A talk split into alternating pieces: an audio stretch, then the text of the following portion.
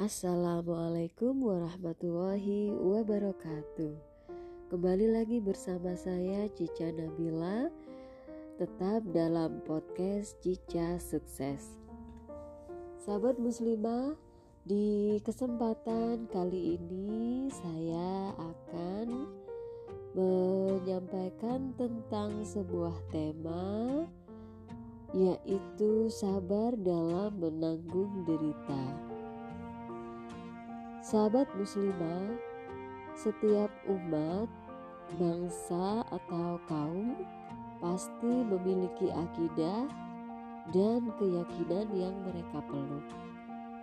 Begitu juga dengan pemikiran-pemikiran yang mereka emban serta aturan-aturan yang digunakan untuk mengatur urusan-urusan mereka mereka pasti akan menyenangi dan menyukai semua itu sepanjang zaman.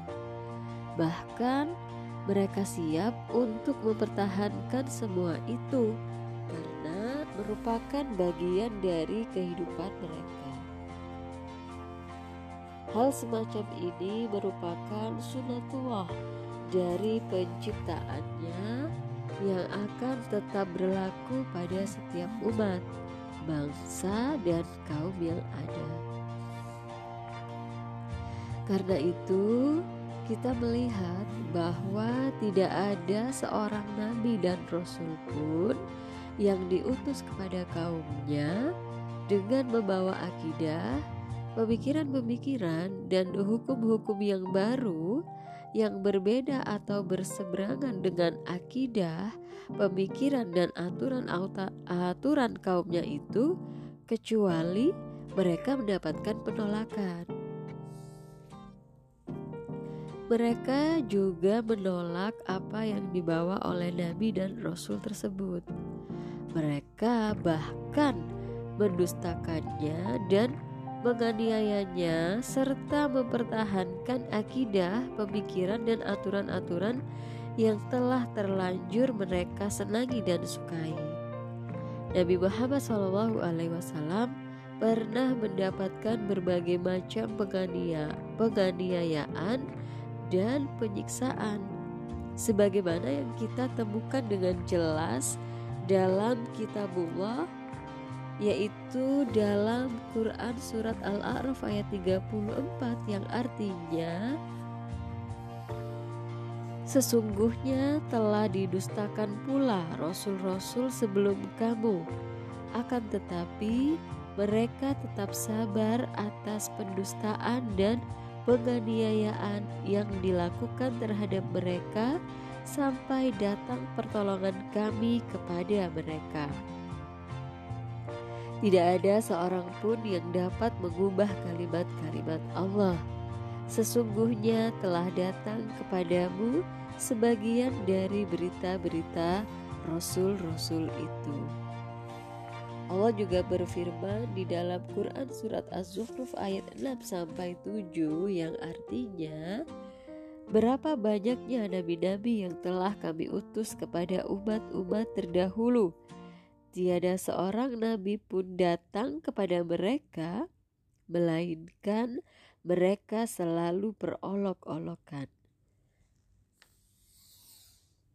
Nah, ketika para pengikut Nabi dan para Rasul itu, yakni generasi setelah mereka, mengemban dakwah, mereka pun sama-sama dihadapkan pada berbagai macam penganiayaan dan penyiksaan.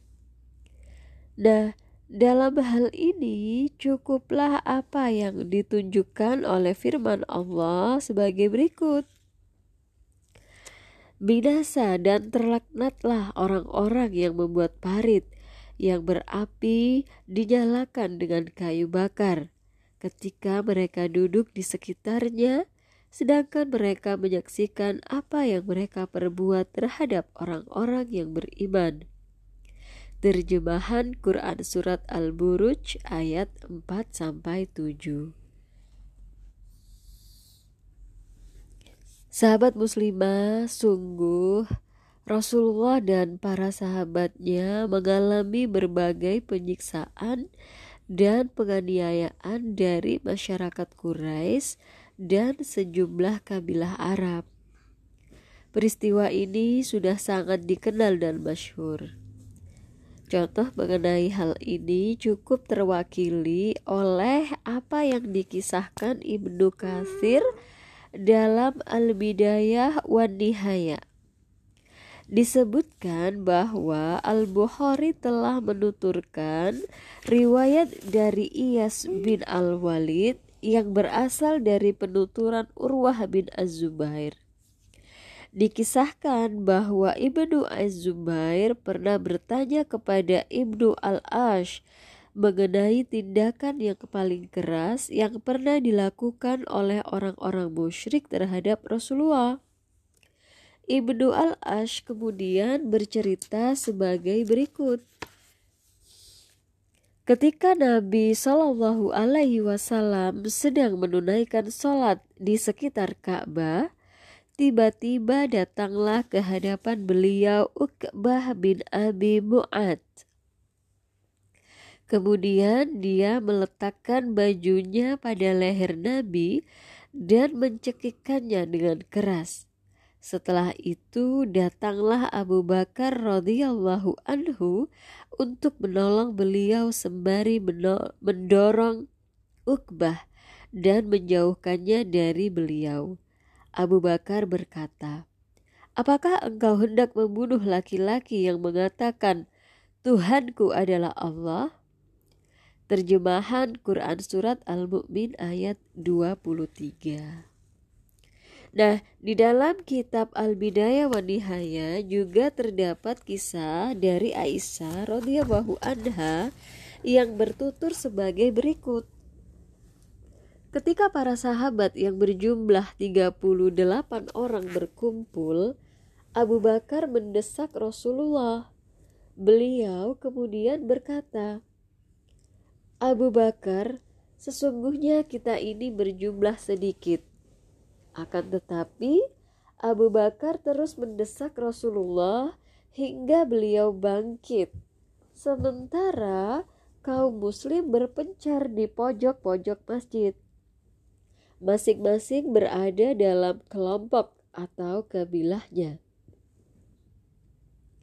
Abu Bakar kemudian berdiri di hadapan orang banyak dan berpidato, sementara Rasulullah sendiri duduk.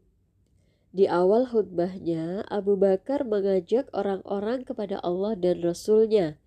Orang-orang musyrik pun marah terhadap Abu Bakar dan kaum muslim hingga mereka dipukul di pojok-pojok masjid. Sementara Abu Bakar sendiri diinjak-injak dan dipukuli dengan keras. Lalu seorang fasik, yakni Uqbah bin Robi'ah, mendekati beliau seraya ikut memukul beliau dengan kedua sepatunya yang kemudian dipukulkan pada wajah dan perut hingga hidung beliau. Setelah itu datanglah Bani Taim hingga orang-orang musyrik pun berusaha menjauh dari Abu Bakar. Bani Taim kemudian membawa Abu Bakar dan memasukkannya ke rumahnya. Nah sahabat muslimah, meskipun demikian, para nabi dan para rasul dan juga para pengikut mereka setelah mendapatkan penyiksaan yang seperti itu, tetap mengemban dakwah serta tetap menyampaikan syariat dan hukum-hukum Allah. Bahkan mereka tetap bersabar atas apa yang menimpa mereka sampai Allah memberikan keputusan di antara mereka dan kaum mereka tidak pernah dikenal dalam sejarah bahwa seorang nabi, rasul atau para pengikut mereka meninggalkan dakwah dan melepaskan amanah hanya karena demi menghindari penyiksaan yang mereka alami atau hanya karena pendustaan dan penghinaan yang mereka terima.